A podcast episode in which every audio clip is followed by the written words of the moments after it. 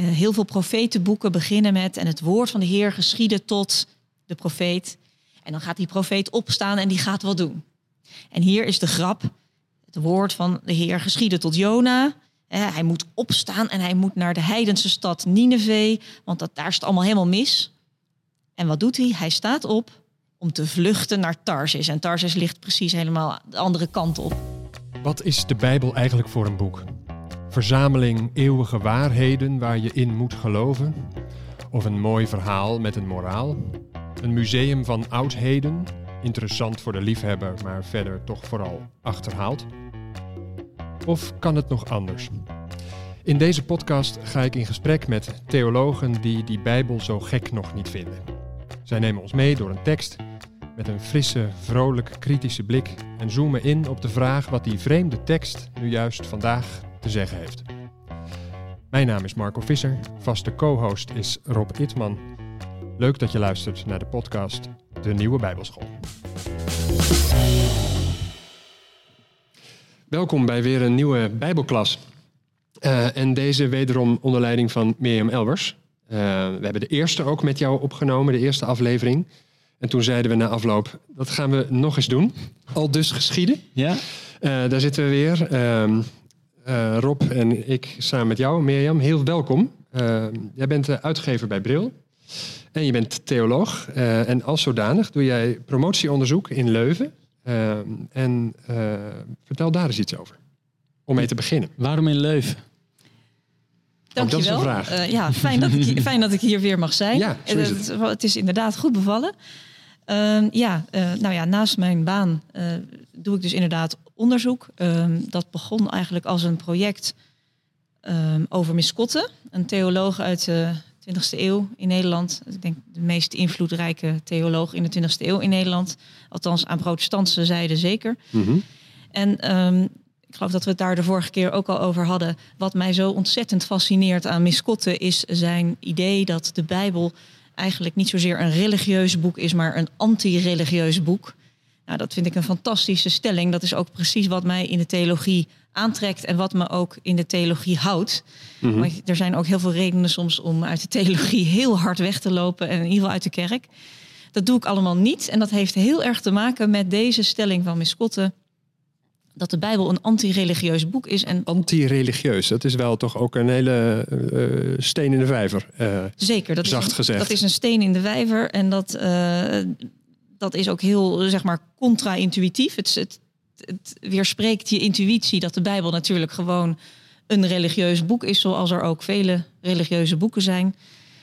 Um, en ik denk toch dat hij gelijk heeft. En hij laat dat ook aan allerlei teksten zien. Um, in de vorige podcast hebben we al even gekeken naar een tekst, uh, Psalm 82, waarin ook uh, God optreedt te midden van de goden. Dus Ja. dan zagen we al dat monotheïsme is ook een heel relatief begrip in de Bijbel. En, um, en dat wij dus eigenlijk worden um, bevraagd op onze religie en ook gevraagd worden naar, naar ja, een kritische vraag voorgehouden krijgen over onze eigen religie. En is, is er dan, uh, hoe kon je religie dan definiëren? Want Ja, religie dan- is, ook zo'n term waarbij iedereen denk ik het weer invult voor zichzelf. Maar hoe, hoe zou jij hem omschrijven in Ja. deze context? Nou, dat is inderdaad een heel belangrijk punt en ook een belangrijk punt in mijn onderzoek. Dus, eh, want zo was het dus begonnen eh, dat ik erg gefascineerd was door Miss nog steeds. En, ehm, en ik vond ook dat hij relevant, dit punt relevant zou kunnen zijn voor de discussie nu. Want het is een theoloog van zeg maar 50 jaar geleden, maar hij zou nu nog steeds relevant kunnen zijn. Eh, en dat werk ik dan uit aan de hand van het, wat men dan noemt het monotheïsme-debat. Wat er ook nu nog gaande is. Dus een heel debat. En, en daar kom ik kom zo op jouw vraag. Ja. Ehm, waarin het gaat om, ik weet niet of je daarmee bekend bent, maar mensen als Paul Cliteur en, en andere, ehm, eh, andere denkers die nu actief zijn, die dan zeggen monotheïstische godsdiensten zijn gewelddadig. Nou ja, goed, er is een heel debat over monotheïsme. Er zijn intrinsiek eh, gewelddadig. hè? Intrinsiek Dus eh, gewelddadig, met dat je dus dat monotheïsme hebt, Ja. Eh, moet er ook iets van uitsluiting zijn en je afzetten tegen en dus ook geweld. Exact. En eh, in die discussie meen ik dat Miss Kotte een belangrijke rol zou kunnen spelen. Zijn, zijn denken daarover. Ehm, nou ja, en dat ben ik dus in een onderzoek aan het uitwerken. Uh, ik zet dan Jan Asman, een Egyptoloog, tegenover Miss Kotte. En ga vervolgens ook zelf in de teksten van de Hebreeuwse Bijbel kijken hoe dat nou precies zit met die kritiek. Um, maar inderdaad, het heeft uh, alles te maken met hoe definieer je dan religie. Als Miss Kotte zegt, de Bijbel is een anti-religieus boek, dan bedoelt hij met religie eigenlijk um, de, de, de legitimatie van het bestaande. Dus dat je zegt, uh, zoals het is, is het goed. Het is wat het is. Uh, prima zo, houden zo. En, en je ziet ook inderdaad dat in de Bijbel daartegen geageerd wordt. Tegen geageerd wordt. Ja, dus als we nou even het belangrijkste verhaal uit de Bijbel nemen. De uittocht uit Egypte, de bevrijding van het, van het volk Israël uit de slavernij van Egypte. Dan is dat ook een bevrijding uit het idee dat de verhoudingen zoals ze zijn, dat die ook wel goed zijn zoals ze zijn. En dat daar dus een kritische vraag wordt gesteld. Ja, maar wie zijn daar eigenlijk het slachtoffer van? Ja. He, dus die farao, die vindt het wel prima zo. Die ja. farao van Egypte, dus zijn piramides worden gebouwd en dat gaat allemaal goed. Uh, maar daar moeten wel heel veel slaven voor, uh, voor het slachtoffer zijn. Ja. Nou, dus die kritische vraag, die staat in de Bijbel centraal. Uh, en, en in die zin is de Bijbel dus een anti-religieus boek. Dat eigenlijk de, de, ook de religieuze manieren waarop de status quo wordt gehandhaafd. Dus de manier, dus, dus door te zeggen, ja, dat is nou eenmaal zo, of dat is de bedoeling, of dat is nu Zo- eenmaal Gods wil. Zo werkt het systeem. Zo werkt het systeem. En dat kan je dus ehm, eh, seculier religieus zeggen. Namelijk, zo werkt het systeem. Je kunt het ook echt godsdienstig religieus zeggen. Namelijk, dat is nou eenmaal Gods wil. Jouw plekje op deze aarde, zo is het Ja. bedoeld. Mhm. Of iets ertussenin als het moest zo wezen. Hè? Precies, Eh, er van zijn dat dus- soort zinnetjes. Er zijn allerlei varianten op, deze, op dit thema. Ja. Ehm, en dat is wat Miskotte met religie bedoelt, namelijk de verering van het bestaande, zegt hij dan. Ehm, en daar, eh, daarvan ziet hij dat de Bijbel daartegen in opstand komt. En daarom noemt hij de Bijbel een anti-religieus boek. Die, die gekke stem, waar we het in de vorige podcast ook over hadden, die zegt: Ja, wat, wat zijn jullie eigenlijk aan het doen? Wie, wie wordt hier het slachtoffer? Hoe zit het eigenlijk met de wees en de weduwe? Hè? De vreemdeling niet te vergeten. Ja, en hij ziet de Bijbel dan om daar tegen in te gaan. Terwijl ik denk dat heel veel mensen de Bijbel juist zien als een boek die ervoor zorgt dat je je aan een bepaald systeem eh, aan de banden laat leggen. Ja, exact. Ja. Terwijl eigenlijk die Bijbel vol staat met verhalen die daar dus een vraag bij zetten. Die zeggen, ja, klopt dat systeem eigenlijk wel? Mhm. Ja, met Ja. de Bijbel in de hand zijn juist eh, ja, mensen eindeloos onderdrukt. eh, is eh, onrecht eh, gelegitimeerd. Eh, tot op heden natuurlijk. Eh, de geschiedenis laat daar allerlei voorbeelden van zien. Eh, maar jij zegt eigenlijk dat is dus eigenlijk dat, dat past helemaal niet bij elkaar. Dus het boek zelf geeft daar totaal geen aanleiding toe, spreekt dat juist tegen. Terwijl het gebruik van het boek is juist dus pakt zo uit. Ja, dat, dat denk ik. Nou ja, we zullen straks ook een tekst lezen, hoop ik, waarin dat wat meer duidelijk wordt. Ehm, het probleem is, en het is wel terecht dat iemand als Jan Asman, die ik dus ook onderzoek, daar ook wel op heeft gewezen. Als je natuurlijk zegt, eh, te midden van alle goden is er eentje die de onze is, die, die, waar, waar, waarvan ik denk dat, dat, dat die de naam God waardig is, dan heeft dat dus een kritisch aspect. Maar dat kritiek betekent natuurlijk toch ook dat je, gaat, dat je nee gaat zeggen. Mhm. Dus inderdaad, er zit ook iets uitsluitends in dat boek. Want je zegt, eh, deze ene, die, die gekke met die vier letters, JHWH, Adonai zeggen we dan, of de naam, die is God. Ja, dat betekent dus dat je nee zegt tegen allerlei anderen. En dat nee zeggen is natuurlijk heel irritant. En dat noemt men dan exclusief. Dus het, hè, ehm, de Bijbel wordt ook wel een exclusief monotheïstisch boek genoemd. Dat wil zeggen, er wordt gezegd deze ene en alle anderen niet. Ja, ingewikkelde kost hoor, als ik eerlijk ben. Ja, is, is ingewikkeld. Ja. Maar dus, dat, dus eh, de, de, de denker die ik onderzoek, Jan Ja. Asman, heeft gezegd: ja, dat is allemaal zo kritisch. Eh het is wel mooi, want het, is, het heeft ook heel veel goeds gebracht. Het is een stap voorwaarts in de mensheidsgeschiedenis. Maar ehm, levert dat ook niet geweld op? En levert dat ook niet uitsluiting op? Eh, dus in die zin heb je gelijk. En, en Jan Asman heeft gelijk. Inderdaad, in de geschiedenis heeft het zo gewerkt. Mhm.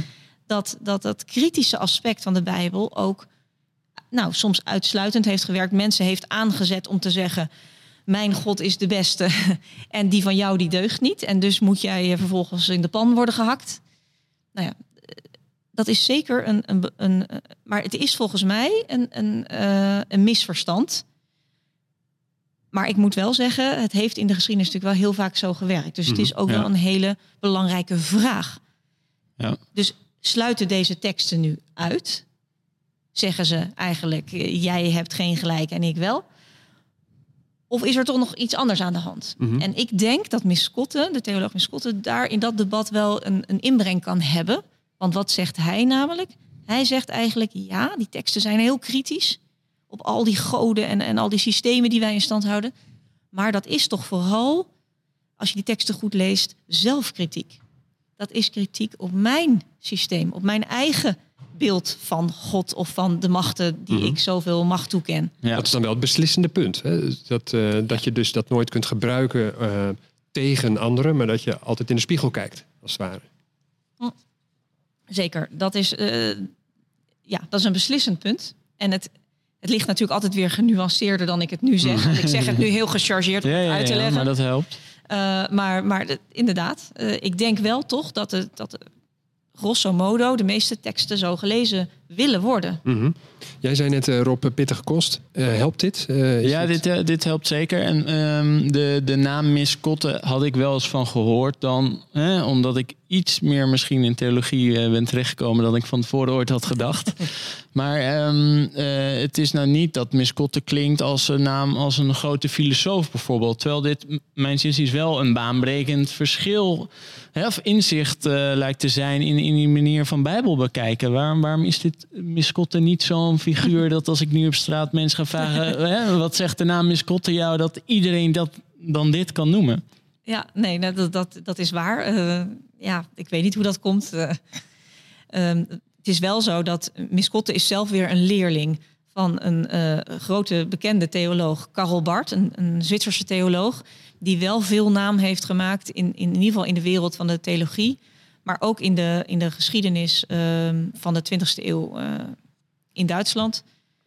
Ehm, die, die in feite dit punt ook al heeft gemaakt. Oké, want die naam inderdaad, denk ik inderdaad. eh, Die is dan iets bekender bekender. voor, ja. en die heeft eigenlijk al, al, al in de jaren twintig van de 20e eeuw gezegd. ehm, er was toen een enorme stroming in de theologie die eigenlijk het, het christendom zag als, als een soort culminatie, als, als de, de kroon op, op, eh, op, ja, op, op onze godsdienstigheid. Dus, dus eigenlijk zei van, nou ja, er was een, een stroming die, die heel erg uitging van eh, de menselijke religie, het eigen geloof, de eigen eh, religieuze ervaring. eh, als een soort hoogtepunt van, Ja. van de mensheid. Dat is toch wel echt het hoogste wat je kan bereiken. Die, jouw persoonlijke ervaring met het goddelijke. ja, Ehm, en dat leidde uiteindelijk, in ieder geval in de visie van Bart, maar dat is ook historisch zo, eh, tot, tot, tot een theologie die eigenlijk de- weer, heb je het weer, de bestaande orde ging legitimeren. ja, Die zei, oké, nou, wij zijn, wij zijn hè, ons, ons humanisme, onze cultuur is toch eigenlijk fantastisch. Nou, daar kunnen we best ook oorlog voor voeren. Ja. En, en we gaan de Duitse keizer steunen in zijn eh, eh, oorlog. En dat werd de Eerste Wereldoorlog. ja. En toen heeft Bart gezegd, zo kan het niet. En toen is hij opnieuw de Bijbel gaan lezen en heeft hij gezegd, volgens mij zegt de Bijbel eigenlijk dat die, dat die stem, hè, die, die, die vier letters, eh, Christus zelf, die staat eigenlijk tegenover mijn geloof en mijn kerk en mijn, wat, wat ik allemaal, en mijn ervaring, mijn religieuze ervaring. Dus, die, dus eh, Karel Barth bracht eigenlijk die kritische stem opnieuw in. ja. En zei, ja, zo kan het niet. Het kan niet zo zijn dat wij alleen maar de bestaande orde bevestigen. Wij gaan, eh, eh, die, die, die, die Bijbel getuigt van iets anders. ja. Dat is super spannend. Ja, en moedig. En heel moedig. Eh, en tegelijkertijd helaas denk ik wel een beetje tekenend dat, dat, dat zijn kritiek maar mondjesmaat is overgenomen dan. Als je kijkt naar de kerk vandaag de dag. Als ik het wel heb, is, is inderdaad in de vorige eeuw dit wel echt heel invloedrijk eh, geweest. Zowel met name natuurlijk Bart eh, maar, en ook in Nederland Miskotten. Eh, maar het is nu wel, wel weer erg op de achtergrond geraakt. Ehm, ja, nou daar heb je gelijk in. Nee, jij doet een proefschrift nu natuurlijk. Dus jij, zit er middenin. Maar eh, voor mij, als, als niet naar de kerk gaan, maar wel geïnteresseerd... eh, moet je dit wel heel goed in de gaten houden en zelf op het spoor zijn... om, er, om er van op de hoogte te blijven. Ja, heel erg waar. Aan de andere kant denk ik wel dat er toch ook in, in, in deze tijd mensen heel erg bezig zijn, ook met het goed lezen van die teksten. En, en dat dan wel degelijk opvalt. En dat vind ik dus ook het leuke, ook aan mijn onderzoek. ehm, dat dus opvalt hoe kritisch die teksten zijn. En het is al heel wat dat zo'n iemand als Jan Asman, die met zijn Egyptologische ogen nog eens even naar die teksten kijkt en zegt: Wow, wat is dit kritisch? En vervolgens trekt hij daar allerlei, allerlei conclusies uit over dat het uitsluitend zou zijn en gewelddadig. Maar alleen al de waarneming dat het dus niet gaat over een, een, een algemeen idee van God, eh, maar dat, er dus, dat het om een kritische stem gaat, dat, dat heeft hij heel goed gezien. Ja, Maar ik, ik, inderdaad, ik ben het met je eens. Dit punt van de zelfkritiek zou eh, heel nodig zijn om dat in, in het debat in te brengen. Niet in de laatste plaats, omdat er op dit moment natuurlijk ook in de politiek heel veel te doen is om zelfkritiek. Dus men vindt het al gauw dat, dat als je te veel kritisch bent op je eigen geschiedenis of op je eigen systemen, dan, dan roepen de populisten meteen: ja, zie je wel, wij, wij breken onze eigen westerse samenleving af. Zelfkritiek, dat, dat noemen we dan oikofobie. ja, Dat, eh, dat is alleen maar slecht. Daar moeten we nou eens mee ophouden. ja. En dat doen ze dan vaak in naam van de joods-christelijke traditie. Ja. Want die moeten we verdedigen. De paradox. Terwijl je zou ook kunnen zeggen, ja, maar die, die joods-christelijke traditie is een beetje een moeilijke term, maar ehm, die zou juist misschien wel zelfkritiek moeten bevorderen. Want die hele Bijbel staat vol met teksten die dus heel erg eh, je een spiegel voorhouden en, en een kritische vraag aan jouzelf, aan mijzelf stellen. Ja. Ehm, dus, dus het is ook een heel ehm, relevant thema op dit moment, denk ik. Ja, ik zou zeggen toch dat als er nou iets ontbreekt in het hele debat, dan is het inderdaad zoiets als zelfkritiek of zelfrelativering of Ja. misschien ook een beetje zelfspot. Eh, Ja, ja. het- de, de, de fronten zijn zo verhard dat je eigenlijk eh, heel erg zou wensen dat er weer eens iets eh, binnen zou komen als een vraag die je ook aan jezelf eh, kunt stellen. Heel, heel erg Razend waar. actueel eigenlijk. Ja. Ja, en ik, ik zou dan zeggen dat het vanuit de kerk zelf ook veel meer eh, toch een nieuwe manier zou moeten zijn. Als je kijkt naar ehm, eh, nou, hoe ik kijk, vergrijzing van de kerk en het ook moeilijk hebben om een, om een nieuwe generatie daar zich weer aan te binden.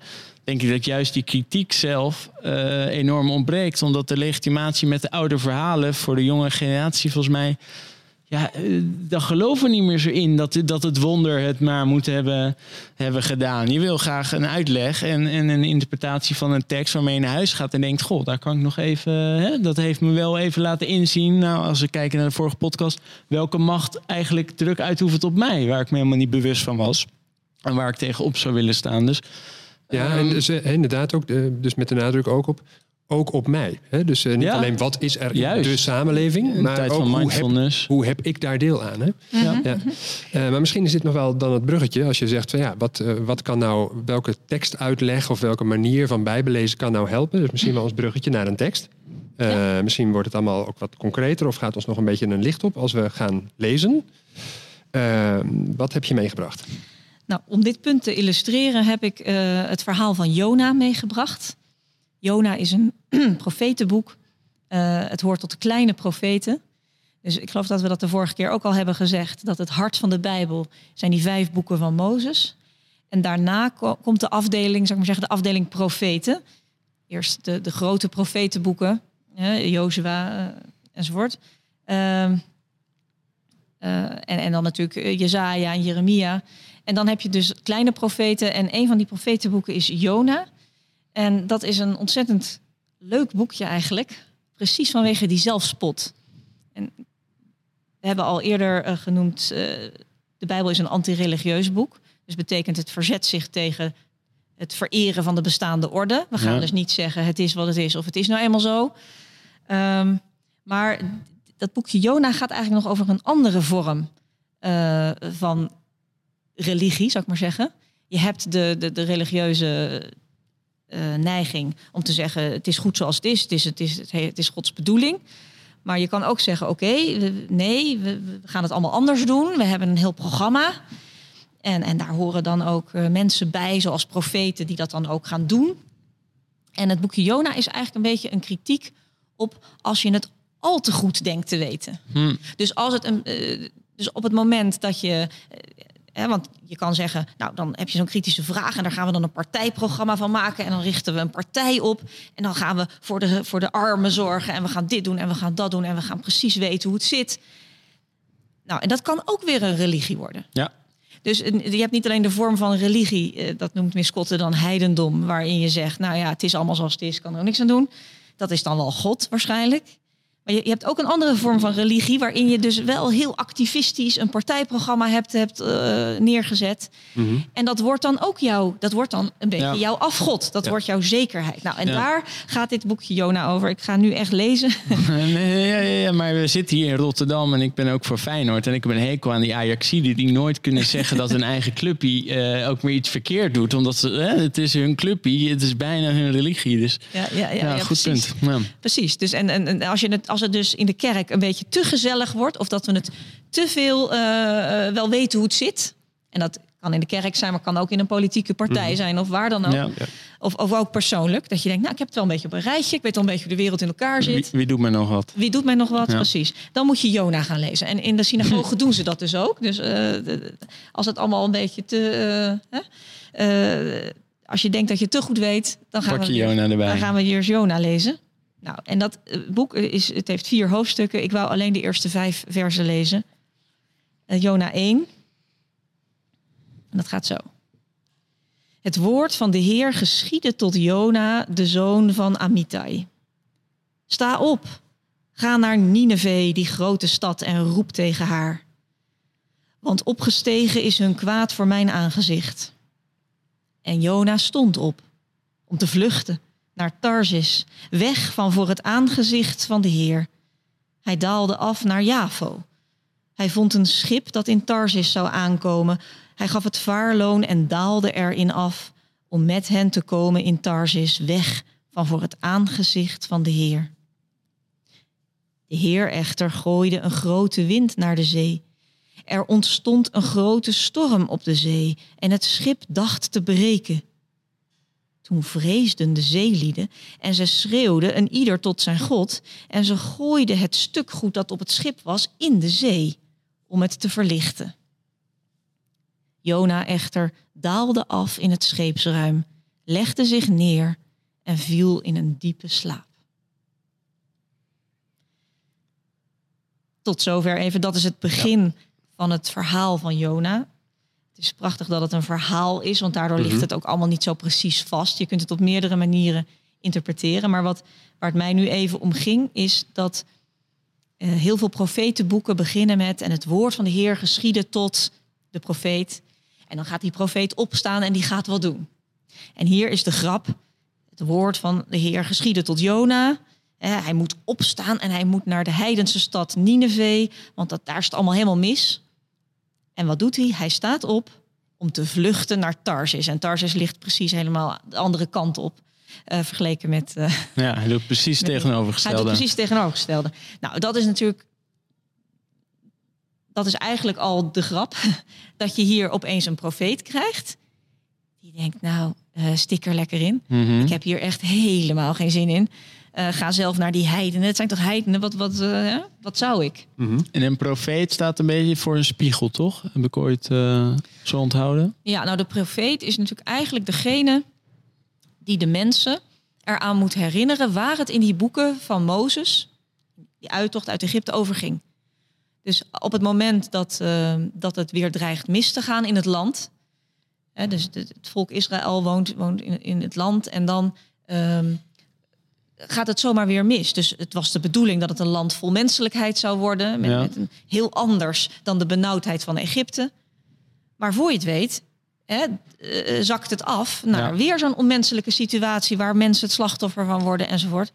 En dan zijn, zijn het de profeten die daar Israël aan, aan eh, moeten herinneren. Ja, en maar deze profeet loopt precies de andere kant op als wat hem Precies. Ja. die, die doet het niet. Eh, dus eh, en de- in die zin is het een spiegel eh, voor, voor de kerk die dan meent het allemaal zo goed te weten. En dan krijg je hier een verhaal, en dat gaat natuurlijk nog veel verder, over Jona die precies dat niet doet. En dan kun je ook speculeren, waarom doet hij dat nou eigenlijk niet? Dat staat hier eigenlijk niet. Hè? Dat staat Hij er niet. stond op, staat er dan. Dan lijkt Ja. het nog even braaf. Maar eh, Ja. om te vluchten naar Tarsus, dus precies het tegenovergestelde te doen.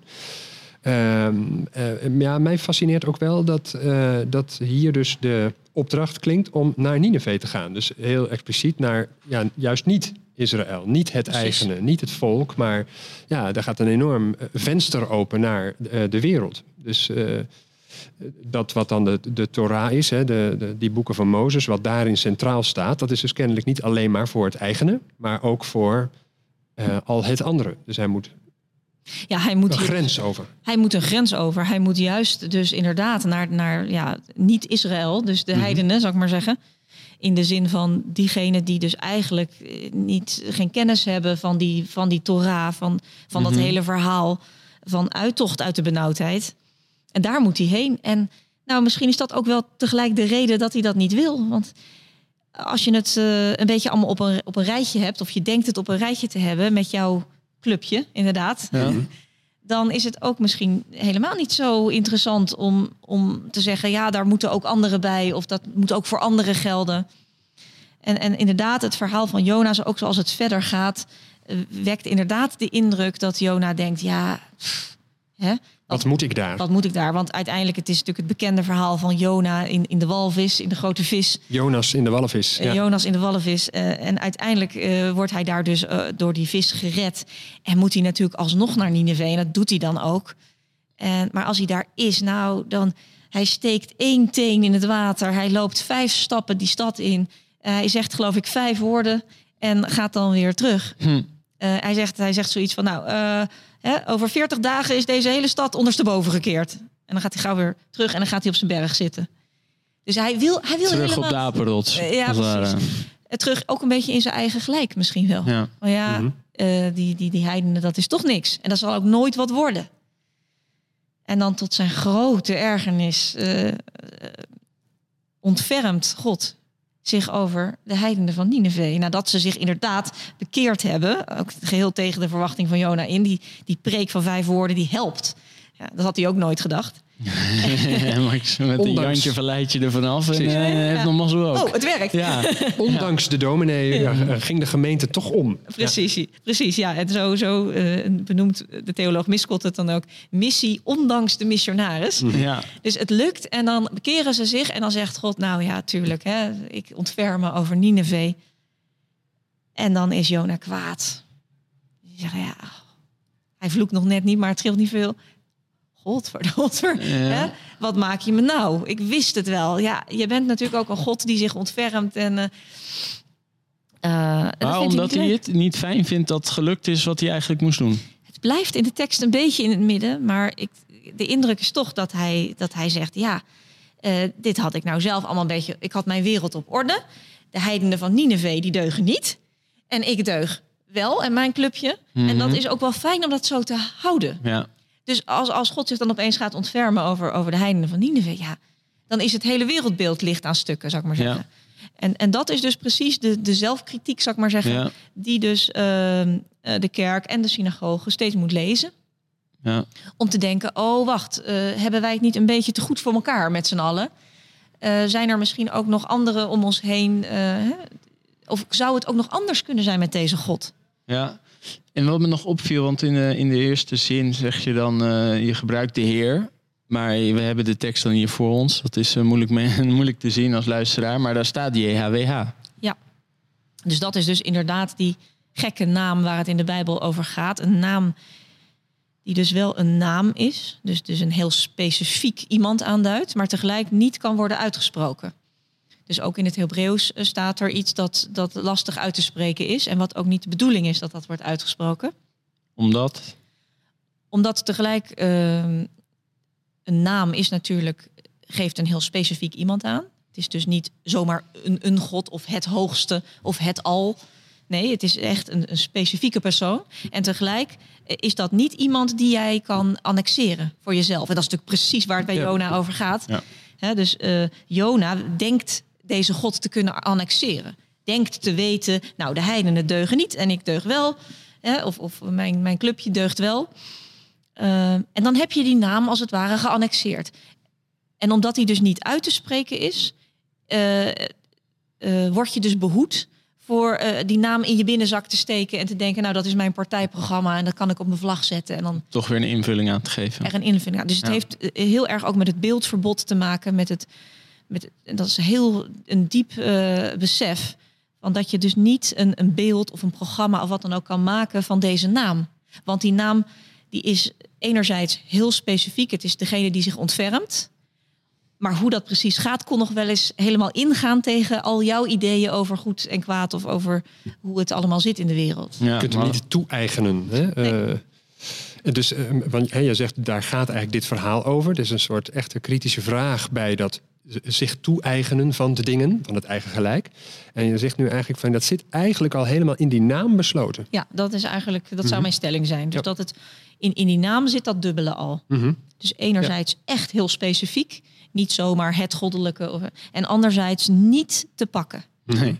Ja. Niet in mijn binnenzak maar ik zou zeggen, bijna zeggen dat is toch heel goed mislukt. Om, om die God niet in een beeld te vatten. Want als je hè, iemand vraagt uh, hoe ziet God er voor jou uit, dan denk ik dat je toch heel vaak hetzelfde beeld ja. uh, voor krijgt. Ja. Jij, bedoelt, jij bedoelt dat mensen daar wel degelijk uh, nou, voor zichzelf allerlei vaste ideeën of, of juist wel beelden enorm. bij hebben. Ja. ja, enorm. En ik denk ook hoe, die, hoe, hoe een God wordt afgebeeld. Uh, om mm. ons heen, in de films, in, in voorstellingen. Uh, dat, dat, dat het juist een invulling heeft gekregen. Ja, ja en, natuurlijk ook in bepaalde ideeën. Mm. Dus de, de, eerlijk gezegd, de hele kerkgeschiedenis van de afgelopen 2000 jaar is natuurlijk één grote poging om deze God te vangen in een dogmatiek, in een, in een ritueel. Mhm. Mm -hmm. in, dus hè, de, de ja, en alles laten te verklaren dus. Ja. Terwijl, uh, nou ja, uh, als hij dan al 2000 jaar bezig is en we hebben hem nog steeds niet gezien of zo, weet je wel. Mhm. Uh, ja. Ja, ja. En. Miss Kotter stond er ook zo in. Uh, ja, dus die heeft juist, uh, dat is eigenlijk zijn verdienste. Ik heb dat natuurlijk allemaal niet van mezelf. Ik heb dit ook een groot deel van Miss Dat wou ik ook niet zeggen hoor. Omdat hij dus juist daarop heel erg heeft gewezen op het belang van die naam. Uh, dus Miss Kotte is degene in Nederland en ook daarbuiten die heeft gezegd... ja, we gaan het niet zomaar over God hebben. Dat is natuurlijk het meest misbruikte woordje eigenlijk in de, in de, in de wereldgeschiedenis. Ja. We gaan niet zomaar zeggen God, want het kan van alles zijn. Maar uh, we bedoelen in dit geval die naam. En, het is, en dat is ook weer niet, Miss Kotte heeft dat natuurlijk ook weer niet van zichzelf. Want het is eigenlijk ook in de Joodse traditie heel gebruikelijk. Daar, daar wordt deze naam ook niet uitgesproken. En daar zeggen ze gewoon de naam. Hashem in het, in het Hebreeuws. Ja. Uh, of, of ook wel Adonai, de Heer. Uh, om, om aan te geven, ja, wij kunnen dat niet, niet, niet pakken. Mm -hmm. ja. Ja. En is dit dan uh, volgens jou in het Nieuwe Testament ook zo? Gaat die lijn door of is het daar toch anders? Je zou kunnen denken, in het Nieuwe Testament wordt dan over God de Vader gesproken. Daar wordt uh, Jezus komt daar op het toneel. Dat is heel, heel ja, als het ware aanwijsbaar. Um, concreet figuur met, met, een, met een naam en een gezicht. Um, mm -hmm. Over namen gesproken, maar toch ook wel heel concreet en tastbaar. Uh, hoe, hoe zit dat in het Nieuwe Testament? Ja, heb je nog even? Nee, dat hebben we niet. Misschien kan dat een andere keer aan de orde komen. Maar het is wel een goed punt dat die, die, die zelfkritiek... dus wat mm -hmm. je hier bij Jona ziet... Uh, het niet kunnen, kunnen vastleggen... dat is, dat is iets, een, een, een, uh, een onderwerp dat in, in het Nieuwe Testament heel erg aan de orde komt. Dus eigenlijk zie je de figuur van Jona... als ik even Jona omschrijf als uh, de gelovige die het allemaal zo goed weet... Mm -hmm die zie je natuurlijk ook in het Nieuwe Testament terugkomen in de, in de figuur van de fariseer. Dus de, de mannen eigenlijk die tegenover Jezus staan. Dus inderdaad verschijnt daar dus een hele vreemde figuur Jezus op het toneel. Die natuurlijk alle trekken heeft van deze vreemde naam waar we het hier over hebben. Die vreemde heer.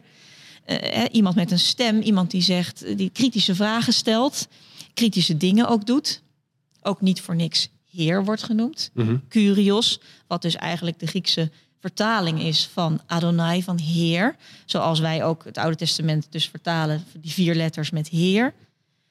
Dus, en tegenover die figuur staan dan dus mensen een beetje zoals Jona, misschien nog wel iets venijniger. die het ook allemaal erg goed weten. Die bijvoorbeeld de- eh, weten, ehm, op de Sabbat mag je niemand genezen. Dat, dat doen wij niet, dat, dat hoort niet zo. Hè? Want anders ben je tegen God. En daar stelt Jezus dan een kritische vraag bij. En zegt, wacht even. eh, wa- Was nou eh, de Sabbat bedoeld voor de mens of de mens voor de Sabbat? Eh, Het was toch bedoeld voor de menselijkheid. Die, die Ja. hele regel van dat er ook een dag is waarop je mag rusten. Waarop je even niet hoeft te werken. eh, die was toch juist voor de, voor, voor de menselijkheid in deze wereld bedoeld. Dus hoezo mag je niet iemand op zijn benen zetten op de Sabbat? Nou ja, zo- Ja. dus die, dat hele punt van zelfkritiek komt in het Nieuwe Testament heel erg weer terug. Hm. Ja. Ja. Hoe Dus dat loopt is een, een doorgaande lijn. Hè, Dus het is een doorgaande lijn. En daarin speelt, als je het even in toneeltermen zegt, daar speelt Jezus natuurlijk eigenlijk de rol van deze vreemde eh, Adonai. Mhm. eh, die de mensen een spiegel voorhoudt. En, eh, en, en die zegt, ja, wat, wat zijn jullie eigenlijk aan het doen? Mhm. Ja. Hoe loopt het af met eh, Jona? Hoe loopt het af met Jona? Heel goed, het loopt niet af met Jona. Eh, hij, is kwaad, Altijd wat, hè? hij is kwaad. Hij is kwaad dat God zich heeft ontfermd over Nineveh en over de heidenen van Nineveh en ook over de dieren van Nineveh.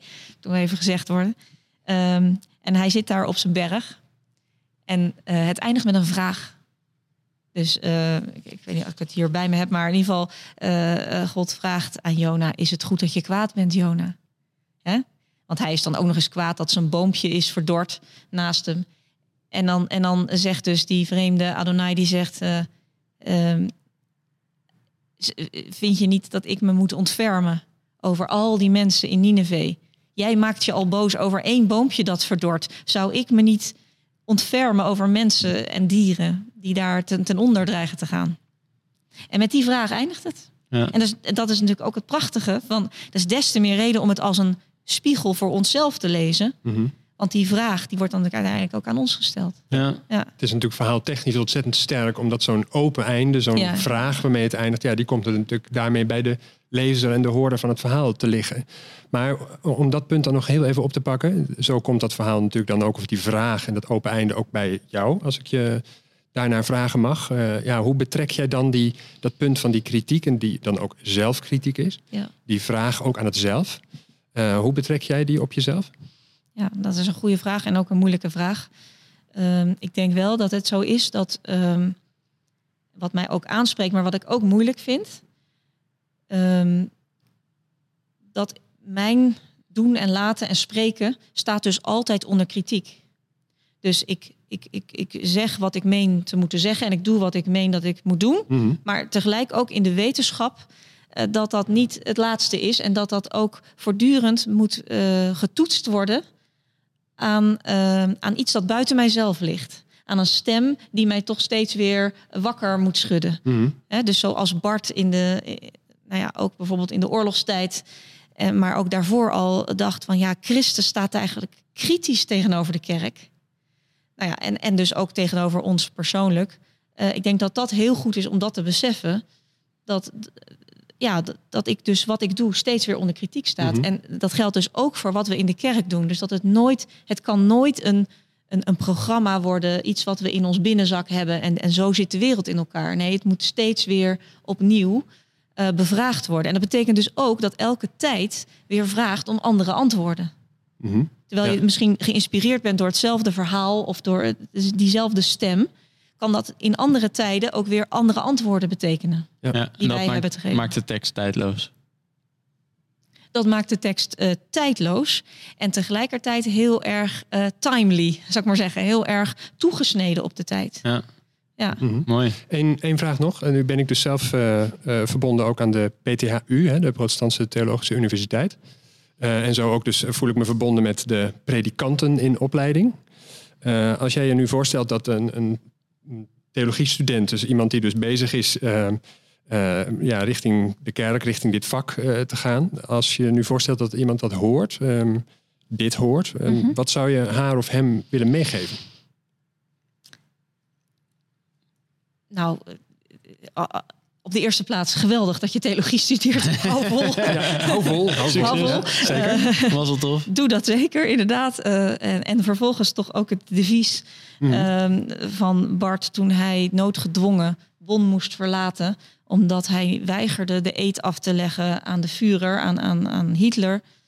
Toen zei hij, toen hij wegging, exegese, exegese, exegese, mijn heren. Het waren toen helaas nog maar heren alleen. Maar ik zou nu ook willen zeggen exegese, exegese, exegese. Dus ga met die teksten aan de slag. Uh, uh, worstel ermee. Uh, nou ja, enzovoort. Maar kijk goed wat er staat, want je kon nog wel eens verrast worden. Mhm. En ook bekritiseerd, maar ook getroost. Um, en het kon er allemaal nog wel eens heel anders uitzien dan je denkt. en wees daar niet bang voor, maar ga het aan. Want, want die teksten zijn, zijn goed genoeg. Die houden het al duizenden jaren. En, en die, die kunnen ook jou dragen. Ook al ziet misschien de wereld er heel anders uit als je echt goed gaat kijken wat er staat. Mhm. ja, ja, dat vind ik heel mooi dat je nu zegt van de, hè, dat je komt dan als je dan gaat lezen en goed gaat lezen. Uh, die, die stem tegen, die misschien ook wel eens een heel kritische stem, ook naar jouzelf uh, zou kunnen zijn. Maar dat is tegelijkertijd juist ook misschien wel heel ja, troostend, noem je het nu. Hè? Dat is heel, heel heilzaam. Ja, en dat vind ik dus het mooie van dat we in ieder geval in de protestantse traditie die teksten zo centraal zetten. Mhm. Dus enerzijds ben je daardoor verbonden met een, met een traditie van eeuwen. En aan de andere kant uh, word je dus steeds weer bekritiseerd en, en uh, worden er kritische vragen aan je gesteld. Maar dat allemaal toch uiteindelijk wel in een, in een verband uh, waarin die teksten jou stellen. Dus, want dat is het mooie van Jona. Mhm. Het, is, het is ook geen afrekening met Jona. Het gaat heel erg over, ook over de ontferming over Jona. Mhm. Dus er, God ontfermt zich over Nineveh, maar toch uiteindelijk ook over Jona. Omdat er, ja, er, er komt ook iets liefdevols aan het licht. Van nou ja, um, het gaat ook niet zonder Jona. Dus God wil het ook niet zonder Jona doen. En dus ook niet zonder ons, ook al doen wij gekke dingen en, en doen we het helemaal mis. Uh, het kan toch ook niet zonder ons. Mhm. En, en dat is het, het, het mooie en het ontfermende van die tekst. Amen. Zeer bedankt dat je hier weer bij ons was. Um, uh, voor wat je hebt ingebracht en hoe je het verhaal hebt uh, voorgelegd. Uh, we zijn heel blij met je komst naar hier. Tot de volgende keer. Tot een volgende keer. Nou, graag gedaan. Bedankt. Dankjewel.